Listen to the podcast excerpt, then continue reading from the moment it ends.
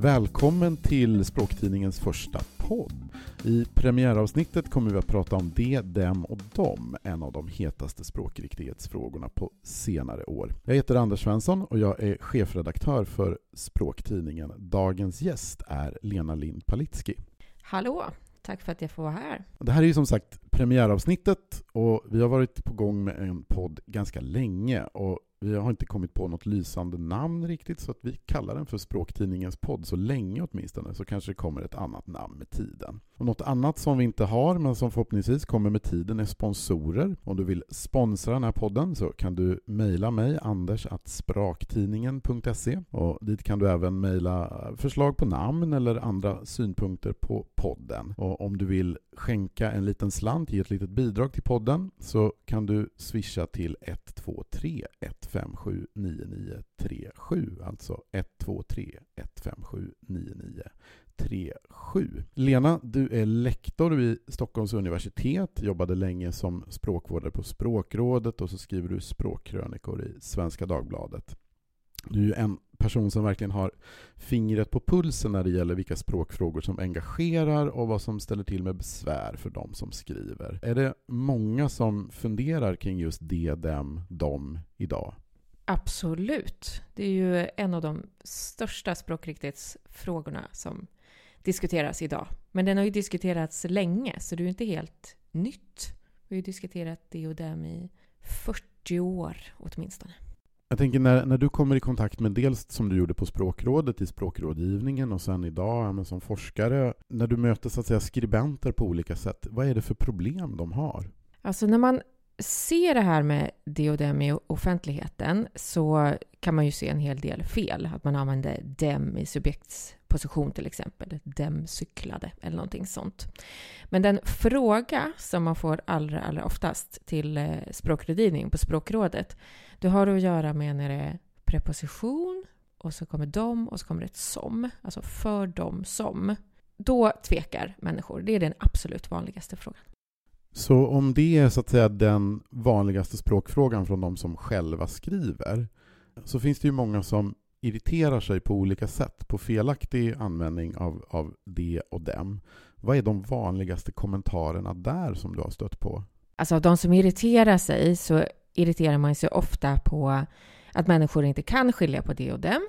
Att man använder dem i subjekt är det man stör sig allra, allra mest på, tror jag. Det man ofta gör är att man tillskriver de här människorna som använder dem på ett felaktigt sätt eh, vissa egenskaper. Att man säger att de är lata, att de inte anstränger sig tillräckligt för att lära sig, men också att man, säger, att man klagar ganska mycket på skolan. Kan inte lärarna lära ut det här nu för tiden? Hur svårt kan det vara? Det finns ju så enkla knep att ta till och så vidare.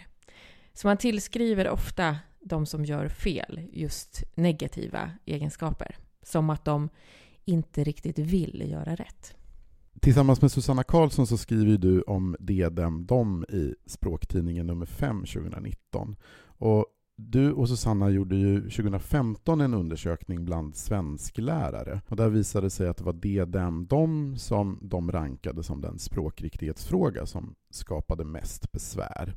En liknande undersökning gjordes 1976 och då var det inte ens så många som angav det, dem, dem som ett problem så att det så att säga, klassades inte ens som en egen kategori. Vad är det som har hänt under tiden egentligen? Ja, men det som har hänt är ju att man pratar om den här frågan på ett annat sätt. Därför att 1976, när man gjorde den här undersökningen, då diskuterades ju det här med dem också ganska mycket inom skolundervisningen och sånt. Men man diskuterade om det som en fråga om talspråksformer. Eh, tillsammans med andra talspråksformer skulle man skriva någon, sån, mig, dig med MEJ och så vidare. Och en sån debatt var det ju på 70-talet och då passade ju det här med att skriva dem in i det klustret. Eh, så det var en fråga om så här, ska vi anpassa skriften till talet i större utsträckning? Så frågan på 70-talet handlade inte så mycket om att människor gör fel och skriver dem på fel plats och så. Och debatten idag har ju helt skiftat fokus till att handla om att vi behärskar inte det här systemet längre. Och det som har hänt är ju att på 70-talet så kunde man fortfarande höra skillnaden av det och dem i talat språk. I mer formellt språk, till exempel i radion eller i predikningar eller i upplästa texter, så gjorde man skillnad på det och dem även i talet. Det gör vi ju aldrig idag. Eller jag kommer i alla fall inte på något sammanhang där man skulle göra skillnad i talspråket. Så det som har hänt är ju att talspråket har förändrats och att vi alltid nästan säger dom idag. Och även de här gamla dialekttalarna som väldigt länge gjorde skillnad och sa till exempel di och dom. De börjar ju dö ut. Det finns ju inte så många sådana kvar. Eh, och därför använder alla dem. Och det som händer då är att när vi inte längre har stöd för det här i talet, vi hör aldrig den skillnaden, då blir det ju väldigt, väldigt svårt att lära sig den skillnaden i skrift. Och då börjar vi göra fel. Och det är ju det som har hänt. Och då gör allt fler människor fel och det blir allt svårare att lära ut i skolorna. Så på 70-talet när den här enkäten gjordes till svensklärarna så angav ju många att det här med talspråksformer, det är någonting vi jobbar med i skolan. Det är en besvärlig språkriktighetsfråga. Medan i den här undersökningen som vi samlade in 2015, där skrev ju 63 procent av lärarna att det och dem är den språkriktighetsfråga som vi har allra mest besvär med att lära ut och få liksom eleverna att förstå. Men man ska ju förstå det här med att det har... Det är ju inte för att eleverna har blivit latare, eh, att det, lärarna har blivit sämre eller någonting sånt, utan det har att göra med att vi inte längre har, har något stöd för det i talet. Då kan vi liksom inte lära det i skrift heller. Så då pågick det ju alltså en diskussion om, om talspråksformer och hur, så att säga, hur man skulle hantera dem i skriftspråket. Men det var alltså inte så att man brydde sig mindre om att göra rätt på det och dem då, utan det var helt enkelt så att det var en annan diskussion som pågick. Ja, det var en annan diskussion som pågick och att det var just det här, hela det här klustret som diskuterades. Och hur ska vi anpassa eh, skriftspråket efter talspråket nu när uttalen av en massa ord har förändrats?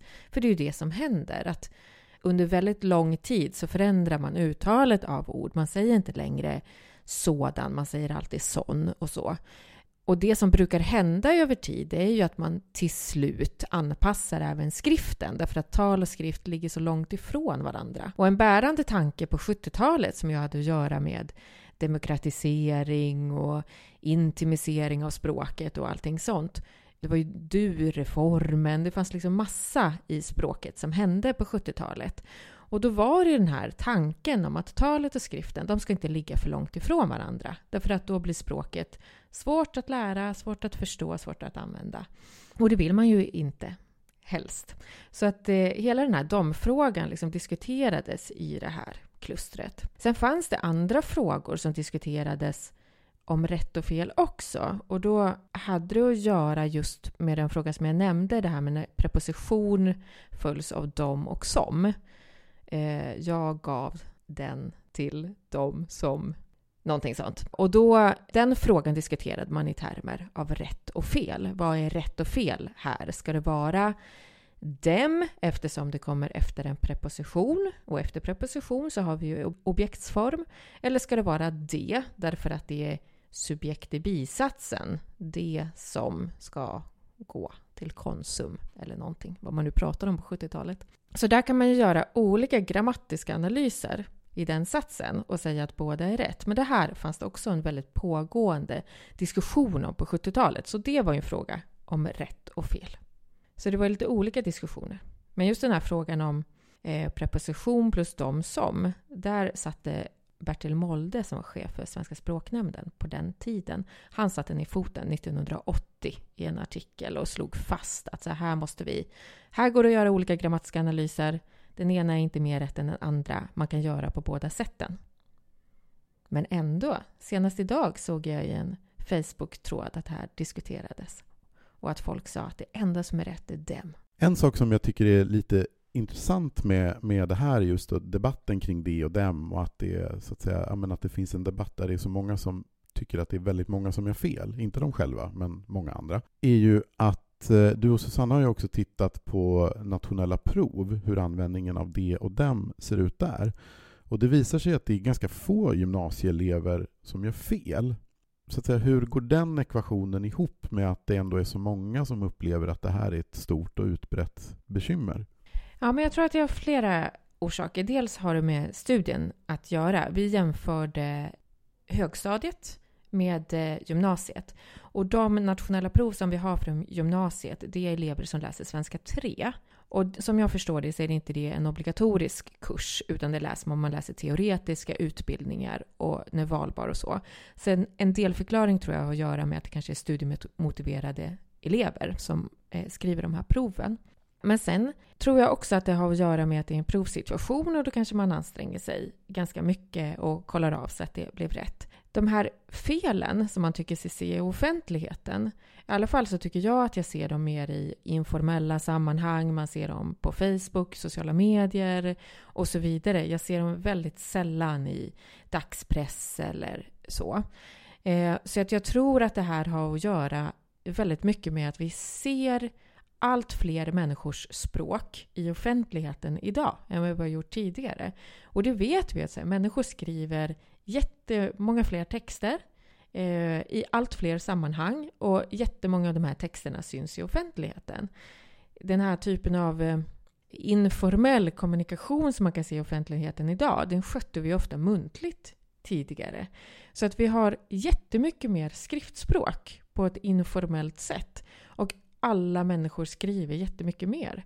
Så det kan ju vara så att, att människor som inte kunde skilja på det och dem förut, inte, deras språk såg vi liksom inte i offentligheten. Så jag tror att det är en jättestor förklaring. Och sen tror jag också att det har att göra med att vi har avskaffat korrekturläsare. Så vi ser ju fler slarvfel generellt i tidningarna. Utan att ha belägg för det så tror jag att det är så. Så att det, det har nog många förklaringar. Men också såklart det här med att allt fler får svårare att skilja på det och dem just för att vi inte har det här stödet i, i talet längre. Man kan ju säga att du och jag tillhör ju samma generation kan man säga. Vi är båda födda mitten på 70-talet, började skolan ja, men så här, början på 80-talet. Och som jag minns det så var det då en ganska så här, avslappnad inställning till dem. Jag minns att ja, men man uppmanades faktiskt ja, men att använda talspråksformer och till och med att ja, men de och dem ja, men nästan betraktades lite, ja, men som lite fisförnämt sådär. Det är åtminstone min minnesbild så från, från ja, liksom de första åren i skolan. Är det någonting du känner igen dig i själv? Alltså inte helt, men jag, det var som att det fanns parallella spår, upplevde jag det. Jag tror att jag hade, jag är uppvuxen eh, långt ute på landet med äldre lärare av den gamla skolan. Och där tror jag att det var ganska viktigt att inte använda så mycket talspråksformer. Men som jag upplevde det så fanns det liksom, ja, men parallella spår där det fanns andra lärare som själva skrev liksom de här talspråksformerna och så. Och det speglar väl också debatten som var på 70-talet jättemycket, att det fanns verkligen det här spåret som var nu ska vi demokratisera språket och gå över till talspråksformer och det är viktigt att det ligger nära varandra med tal och skrift och så. Och sen fanns det ju den konservativa linjen som absolut ville upprätthålla skillnaden mellan det och dem och så. Och jag tyckte nog, i alla fall som jag minns det, att det fanns liksom även i skolan, båda de här parallella spåren. En kampanj som, som ganska många minns tror jag är från 1977 när posten eller postverket eh, skickade ut den här broschyren Skriv som du talar till alla hushåll i hela Sverige. Och, och det var ju liksom lite kölvattnet av den kampanjen som vi, vi båda ja, men började skolan och mötte då de här lite olika attityderna till, till talspråk. Jag tänker om man kikar på hur, hur det ser ut idag när det gäller olika typer av rekommendationer, som man till exempel tittar i, i stilrutan i Svenska Akademins ordbok, så säger man där att om man använder dom, DOM, så får en text en mycket vardaglig prägel. Är det en bedömning som du håller med om? Alltså det är svårt att svara på i dagens läge tycker jag. För det känns som att vi befinner oss i någon typ av brytningspunkt sådär. Det, har ju, det som är tydligt är ju att pendeln har svängt. Jag pratade med eh, en som har varit professor här på institutionen, Staffan Hellberg, som berättade om hur det var på 70-talet. För han skrev om de här frågorna då. Han sa ju att eh, även inom akademin och han själv använde dem, alltså talspråks formen och gick över till den på 70-talet och använde den långt in liksom på 80-talet. Men sen svängde pendeln tillbaka och kände att så här, men nu, det håller inte längre. Jag går tillbaka till att skriva det och dem. Så det fanns ju liksom en utbredd också praxis när man faktiskt använde det. Och just det här som, ja, men som du vittnar om och som jag också varit med om att många upplever att i skolan på den tiden så fick man skriva på det här sättet men sen slog det tillbaka. Och den här stilrutan i, i Svensk ordbok ja, men den är väl ganska talande för hur det har varit det senaste decenniet eller de två senaste decennierna. Att det faktiskt har ansetts extremt talspråkligt och vardagligt att använda dem. Eh, och det har ju också präglat hur vi har skrivit i skolan. Och jag tänker också på det här, varför är det fler som gör fel idag? Ja, men de som var osäkra tidigare, de kanske använde dem för att det var helt legitimt och det var så man gjorde och man blev uppmuntrad till det i skolan. Det kan man ju inte göra i skolan idag, tror jag. Och därför så försöker allt fler använda det och dem och då ser man också allt, alltså man ser fler fel. Jag får ju väldigt mycket mejl, både från personer som läser Språktidningen och som läser våra språkkrönikor i DN och sådär. Och om jag skulle sätta ihop, vad ska vi kalla det, för en irritationstopplista så, ja, men så tror jag att på medaljplats så, så skulle vi nog ha ja, men det är felaktig användning av var och vart, felaktiga särskrivningar och så just det, dem, dem. Att det är de, om jag skulle gissa så är det de tre så att säga, frågorna som engagerar mest det är ju ganska många som undrar just om, ja, men får inte eleverna lära sig svensk grammatik i skolan? Alternativt ser inte föräldrarna till så att de får med sig de här kunskaperna? Eller är de lata och kanske till och med lite korkade? Är lathet och liksom dålig undervisning, är det en tänkbar förklaring? Det är ju väldigt svårt att tro att det skulle ha med det att göra. Men det man kan se i den här enkäten från svensklärare, det är att många svensklärare Alltså det har ju blivit väldigt mycket svårare att lära ut den här frågan just därför att vi inte har det här stödet i, i talet. Och då måste man lägga väldigt mycket undervisningstid om man ska lära ut det här på bekostnad av andra saker som man också måste lära ut i skolan. Så det är många lärare vittnade om, det var ju just det. Att det är så, vi kan inte lägga så mycket tid, eller det är inte rimligt att lägga så mycket tid, för det finns många andra saker som är så otroligt mycket viktigare att lära sig, som vi måste ägna tid åt i undervisningen. Och det är också då man kan börja ifrågasätta, så här, är det vettigt att upprätthålla den här skillnaden mellan det och dem? Om jättemycket undervisningstid ska gå åt till just den frågan. Och man börjar vikta det mot andra frågor som också måste få plats i undervisningen. Men jag tror inte det har med lathet att göra därför att de allra flesta människor vill ju göra rätt. Men ibland är det ju för svårt helt enkelt. När DDM de har debatterats på senare år så har det ju argumenterats för både att man skulle införa ett enhets-D, det vill säga använda D över hela linjen, och även ett enhets-dom, att man skulle använda dom hela linjen. I den här artikeln i Språktidningen, eh, nummer 5 2019, så skriver du och Susanna Karlsson då om att en förändring av normen sannolikt är på gång. Vad tror du själv är mest troligt? Alltså det jag själv eh, önskar, tror jag, och är mest rimligt är att man går över till enhets dem. Och eh, anledningen till det är ju flera. Del, den främsta anledningen är ju för att det är så vi säger. Vi använder dem i talspråket. Och ska man ändra så är det ju vettigt att ändra till någonting som ligger nära talet. Och en annan anledning är ju att ett fel som man allt oftare ser idag, som vi faktiskt inte har sett tidigare, det är ju att många skriver det istället för det. Och att det vittnar också lärare om att det här är någonting som, som kommer i allt större utsträckning. Och skulle vi gå över till enhets-D, då skulle vi liksom få problem med den här sammanblandningen mellan det det eh, eftersom det skulle då sammanfalla i skrift. Så jag tror att de är liksom det rimliga på lång sikt. Och sen kan man ju säga att ett enhets-D det är en mindre, ett mindre ingrepp i skriftbilden. Eh, det skulle vara lättare att läsa äldre texter. Det skulle liksom inte vara en lika stor operation. Och det är också argumentet för att man skulle ha enhets-D. Men jag tycker nog att det är en ganska kortsiktig lösning faktiskt. Jag tror att det eh, ger mer problem längre fram. Och ska man göra någonting så är det lika bra att gå över till dem. Och också att det finns, det finns ju dem i skrift redan. Vi har liksom det redan i, i språket. Och att vi då skulle utöka den delen snarare än att ja, helt gå över. Det är ju inte, en, ja, men det är inte så att vi inte har dem i språket. Det har vi ju redan. Så det är ju bara att vi skulle ändra proportionerna och eh, få fler dem istället för det och dem.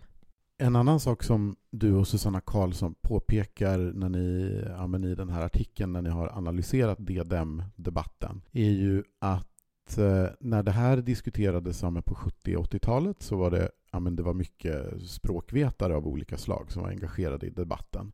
Men på senare år så har det här snarare kanske till ganska stor del varit en debatt som förts av ja, krönikörer, av ledarskribenter, av journalister. Kan man på något sätt se att det påverkar hållningen man har i debatten? Ja, alltså det är ju ett intressant resultat tycker jag på många sätt. Kanske framförallt så säger du någonting om medielandskapet och hur det har förändrats och att det finns väldigt mycket så här krönikörer med spaltutrymme att fylla och vad ska vi skriva? Vi skriver om det där som var aktuellt på DN Debatt eller SvD Debatt var det nog, eller på Aktuellt igår eller så. Och så kommenterar man det. Eh, så var det ju inte riktigt på 70-talet. Och då var det många språkvetare som debatterade det här. Och det gjorde väl kanske att det var ett annat djup, skulle jag säga, i debatten. När man ser journalister eller krönikörer eller så idag Eh, journalister har ju själv liksom språket som arbetsverktyg och är ofta väldigt noga med hur man skriver och så. Det blir ju en viss hållning och jag kan tycka att det blir ett ganska spårigt perspektiv där man inte tar in andra aspekter, till exempel hur, hur sker språkförändring över lång tid eller man är kanske inte insatt i skolundervisningen eller så. Så det kan bli en ganska, det kan bli ganska grunda analyser kan jag tycka. Om vi ska bli lite praktiska så här i slutet av vår allra första podd. Om man sitter framför eh, datorn eller sitter med pennan i hand och skriver någonting och så har man lite svårt att hålla koll på det och dem, vad som är rätt. Finns det några enkla knep som man kan eh, tänka på? Ja, knepen är ju inte jätteenkla, men det finns ju vissa knep. Men för det första skulle jag vilja säga, har man väldigt stora problem med det och dem, om man alltid känner sig osäker, då skulle jag säga att man kan gå över till dem. Därför att att använda dem genomgående i en text, det sticker väldigt sällan ut. Medan felaktiga de och dem, det är det som människor stör sig på. Så vill man störa så lite som möjligt och ha jättesvårt med de och dem, gå över till dem. Det är mitt första råd. Men om man absolut vill hålla kvar vid de och dem så finns det ju flera klurigheter. Och det första är ju att man måste ta reda på om det är en bestämd artikel. Alltså handlar det om de gula skorna? Eller handlar det om pronomen? Alltså är det en ersättning för människor? Kan du byta ut det mot han eller hon eller så? Eh, eller kanske katten eller någonting annat. Och om det är en bestämd artikel, som i de gula skorna, så ska det alltid, alltid, alltid vara det. Aldrig någonsin dem. Men om det är ett pronomen, då måste man ta reda på om det står i subjekt eller objektsposition. Och då kan man använda sig av vissa knep. Dels kan man byta ut det mot andra pronomen. Om man säger de ska gå till skogen så kan man fundera på kan, om det skulle vara jag som skulle gå istället. Byt ut det mot jag. Jag ska gå till skogen. Det heter inte mig ska gå till skogen. Och då ska det alltid vara det. Kan du byta ut det mot jag, du, vi så ska det vara det. Om du däremot kan byta ut det mot mig, dig eller oss så ska det vara dem, för då står det objektsposition. En del tycker att det är lättare att byta ut mot engelska. Om man kan byta ut det mot they så ska det vara det. Och kan man byta ut det mot them så ska det vara dem. Så det kan man ju testa och göra lite sådana utbytestest. Och eh, om man har gjort de här testen och så kommer man ändå inte fram till någonting, då kan det vara så att man har att göra med den här eh, konstruktionen som är preposition plus dom plus som. Jag gav den till de som skulle gå till Skansen. Och i de fallen så kan det vara både det och den. Det är frivilligt. Så kommer det efter en preposition men före som så kan du, kan du använda både det och dem. Och sen det sista rådet som man brukar ge, som språkvården säger, det är att om man fortfarande är osäker när man har gjort allt det här och behöver chansa, så chansa hellre på D. Därför att det går mellan, ja, kanske 10 D på ett dem. Så att det är extremt mycket vanligare, så det blir oftare rätt. Men jag tycker också att är man väldigt, väldigt osäker, just det här med att överväga, gå över till dem. Därför att det är inte det som stör, utan det som stör är felaktiga användningar av det och dem. Tack så mycket Lena Lind Palitski och tack till dig som lyssnat. Språktidningens podd är tillbaka med ett nytt avsnitt om ungefär en månad. Följ oss gärna i sociala medier, Facebook, Twitter, Instagram, LinkedIn så missar du inte det. Om du gillat det du hört så får du gärna swisha ett litet bidrag till 123 157 9937.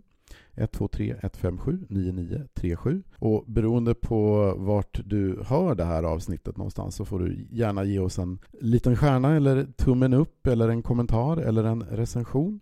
Och om du är nyfiken på språktidningen och inte läser den sedan tidigare så vill du testa en prenumeration så kan du gå in på språktidningen.se. Tack så mycket och på återhörande.